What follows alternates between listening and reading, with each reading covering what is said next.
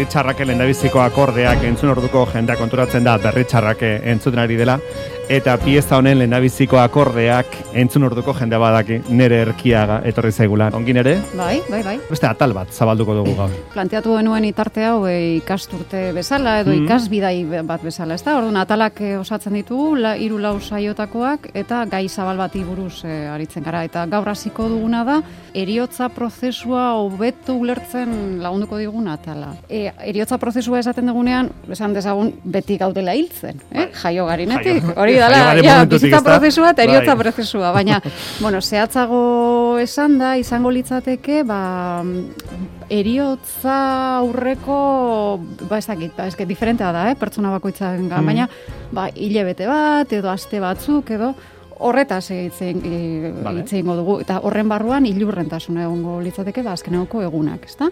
Eta horretarako Inigo Superbiola izango dugu gurekin, e, txeko hospitalizazioko medikua da eta zaintzaringarrietan aditua, lau saioetan izango da gurekin, mhm. eta ingo ditu, hiru saio eriotza prozesuari buruz azalpenak ematen, bai. eta laugarrena entzule bidalitako galdei erantzuten. Vale. Ze gairekin hasiko gara gaur, nere, bai, ba, honetan. Bai, ba, lehengoko saioa izango duguna da, eriotza urbildela, adirazten diguten seinaleak, zeintzu mhm. diran ikasten. Eta horrek, abe, ea laguntzen digun, eriotza berez dena baino, beldurgarriagoa ez egiten, bai. eta baita ere, ba, hilgo den pertsonaren aldamenean tokatzen zaigunean, ba, mhm hobeto zaintzen. Bueno, inigo suberbiola, inigo kaixo ongitorri. Kaixo. Etxeko hospitalizazioko mediku zarazu. Baina. E, esplika jesu gure entzulei, nolako den zure lana, zer den egiten duzula, nolako da zure eguneroko jarduna? Bueno, etxeko hospitalizazioko lana izenak esaten duen bezala da, etxean hospitalizatuta egotea noski gauza asko ezin dira etxean egin, baino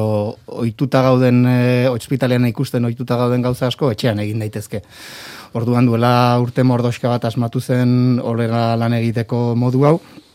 E, Euskal Herrian hogei urtetik gora bada ja, horrela lan egiten dela, ba, donostian adibidez hogei urtetik gora bada, eta ospitalea handietan lehenago hasi izan, eta Eusko Autonomia Elkarte guztian ba, izango da mar urte baino gehiago lan, lan egiteko aukera dagola. Orduan, e, ospitaletzeko epea mozteko helburuarekin eta pazientea eta familia aldan erosona egoteko helburuarekin, kasu batzuetan, etxean jarraitu diteke hospitalizazioa. Hospitaletik etorri daiteke, edo lehen mailako harretatik etorri daiteke. Mm, ja, beste medikuek eta beste osasun langilek ezagutzen dute sistema hau, mhm. eta ikusten dutenean norbait eh, hortaz e, ba, aprobetsatu daitekela, guri kontsulta egiten digute, ez ba, pazientea bolata horrela dago, pentsatzen dut etxean hobeto egongo litzakela, bai. eta gugea ospitaleko langileak, baino etxean hartatzen ditugu pazienteak. Mm jende asko ikusiko zituen ospitalen kanpoan kotxe batzuk, eta etxe etxe juten geha e, lan hori egiten. Bai.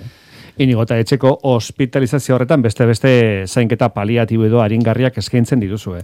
Nork eta nola eskaitzake zainketa aringarri horiek inigo? Ba, esan bezala, edo ospitaletako, ospitaleko beste ataletako e, medikuek, normalian interkontsulta medikuek, eh, erizainek ere izan digute, beharra ikusi dute, edo e, lehen mailako harretako medikuek. Ba, hori, bai e, zainketarin garrin kasuen, da bai beste kasuetan. Adibidea jartzeko zainketarin garriena ez dena, badia tratamentu antibiotiko batzuk oso oso luzeak dianak, e, bi iru hilabetetik angora dihoaztenak, eta ez egon kortasun fasea gaindituta, lehenengo asteak edo gaindituta, antibiotiko jartzeko bakarri litzake ospitalean egotea bi hiru lau hilabetez. Kasu horietan e, interkontsulta egiten zaigu eta e, etxeko kondizioak onak baldin badia, zaintzailea baldin badu paziente horrek eta barreta bar, ba ba jarraitzen dugu. Zainketarin garrien kasuan berdin. Ikusten badegu pertsona hori zaintzeko nahikoa jende badagola etxean, ze zainketarin garrietan ez antibiotiko batean bezala. Naita nahi ez behar da zaintzaile bat alboan, ba, zaintzaileak baldin badaude eta kondizioak egokia baldin badia etxan, eta paziente eta familia ados baldin badaude noski, hori bai, naita nahiezko baldintza da. Deitzen digute, izu, olako eta olako paziente, olako egoeratan dago, e, eta baloratzea eskatzen digute. E, hospitalea baldin badago bertan ikusten dugu, esplikatzen diegu nola egingo genuken lan, eta dos baldin bada pues, e, alta ematen zaionean, etxera juten, eta hurrengo gunetik aurrea guk e, hartatzen dugu. Eta, bueno, e, lehen mailako harretatik baldin bada, antzeko, baino ez gea baloratzea juten, lehenengo bisita zuzenean etxean egiten dugu. Mm -hmm. Eta inigo zen bat zarete, e, lantaldean? Bueno, zarete hori zaila da, zenik urte asko egin ditu donostian lanean, eta bain arrasaten nago, bueno, ospitale bakoitzean, pues, e, beharren arabera, edo alen arabera, ze beti ez da beharrak ez dian nahi gezela betetzen, baino, bueno, arrasaten e, bos mediku eta zazpieri zain, donostiko zerbitzua oso ondia da, ez dakita mabi amalau mediku, uh -huh. e, hogei eta bos erizainetik gora eta talde handia dia. Eta donostian banatuta zeuden, zaintzaringarriak eta hospitalizazioko edo txeko hospitalizazioko taldea? Bai, eta donostian e, duela urte batzutatik onea, e, talde hori bi talde handitan banatuta dago, zainketa haringarritara buru belarria itzen dianak, eta beste tratamentuak mm. egiten dituzten bai mediku eta bai izainen bai. taldea. E, inigo, eriotza batzuk, e, bapaten ematen diren arren, e, gehienetan prozesu bat izaten da, eta momentu batera iritsita e, eriotza urbil egon daitekela ere, ikus daiteke, esango zenuke, normalen jakin daitekela eriotza urbil dagoen, ala ez? Bueno, e, Gehienetan bai, gehienetan bai. E, Lehen onereri aipatzen dion bezala, oso orokorra da, eta milaka adibide jaso ditzakegu, ez ezkoa esaten digutenak ez.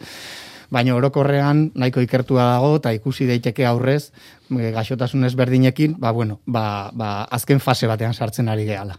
Bai. Mhm. Eta azken fase hori, e, nola, bueno, batetik seinaleak, nola, zeintzu seinale esango zenuke gertatzen direla, ja esaten dutenak eriotza gertatu daitekela. Bai, ba, bueno, e, berriz errepikatuz hau oso orokorra dela eta hankasartzeko mm, posibilia bai, bai.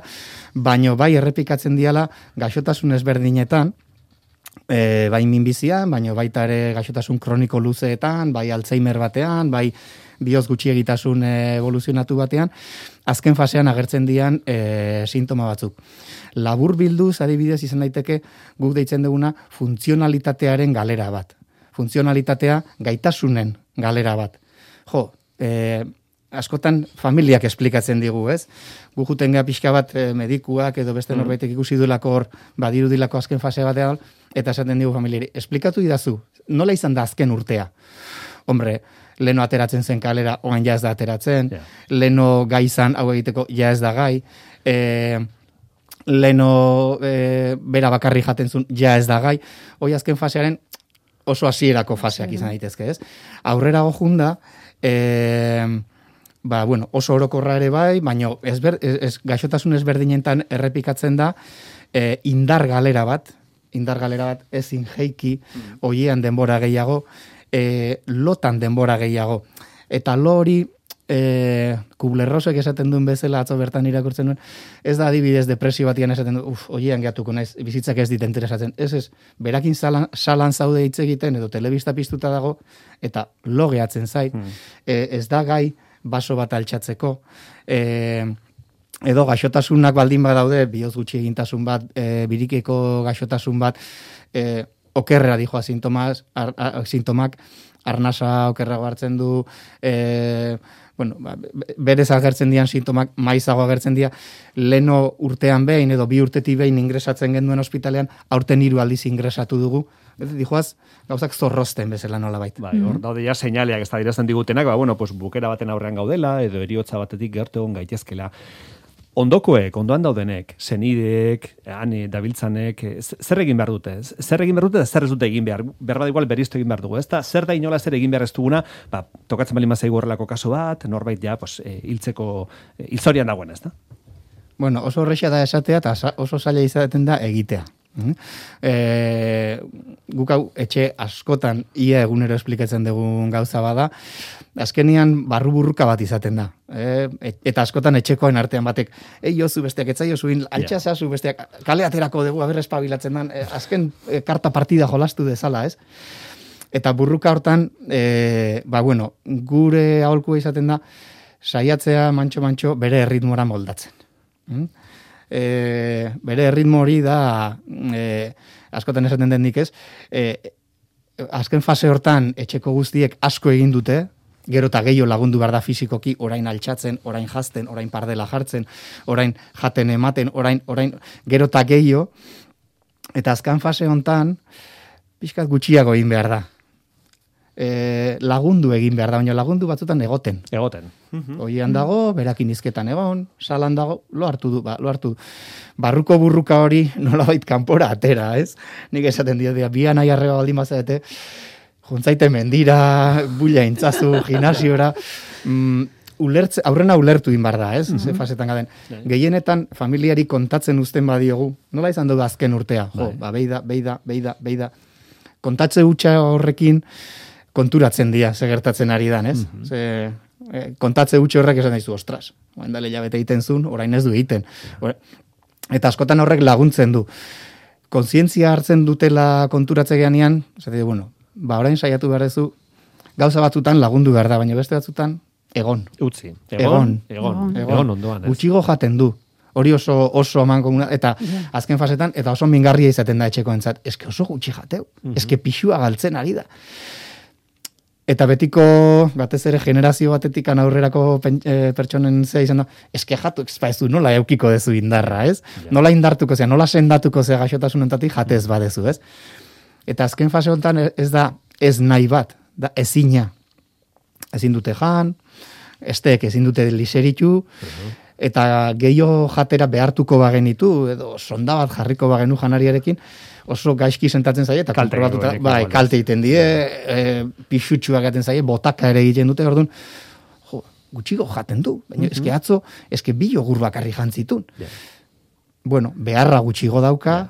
oiean dago egunaren parte handi bat, edo sofan, beharra oso txikia daka, eta gehiago jaten badu, ez dio onura ingo, ez da sendatuko, ez, da ez du indarrik hartuko, ez da jeikiko, eta gaine igual kalte indi zaioke. Mm. Mm-hmm. Hori ulertzen laguntzea oso zaila izaten da batzutan, batzutan, bueno, ba, danon artean, relatoa eginez, danok hitz eginez, baina batzutan, bueno, laguntzea da pixkat bere ritmo hortara moldatzea, baina ez da mm-hmm. erresa, ez da erresa. Ja. Mm-hmm.